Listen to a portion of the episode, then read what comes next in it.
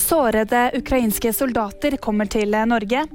Vil gi videregående-elever mer stipend, og aktor ber om betinget fengsel for Hulsker, skriver TV 2. Sårede ukrainske soldater kommer til Norge. Det sier statsminister Jonas Gahr Støre til VG. I sommer krevde Ukraina at skadde soldater skulle få gratis helsehjelp, men tilbudet i Norge har vært gratis helsehjelp på sykehus, men betaler for oppfølgingen i primærhelsetjenesten.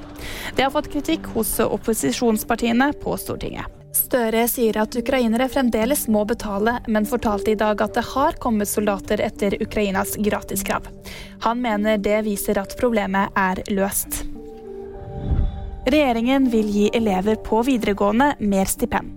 Statsbudsjettet legges frem torsdag, og da vil regjeringen foreslå å øke utstyrsstipend og borteboerstipend for videregående elever. Lånekassen estimerer at rundt 80 000 elever vil få økt utstyrsstipend hvis regjeringens forslag får flertall i Stortinget. Aktor ber om 24 dagers betinget fengsel for Bernt Hulsker, skriver TV 2. Aktor ber også om en prøvetid på to år, i tillegg til en bot på 15 000 kroner, skriver TV 2.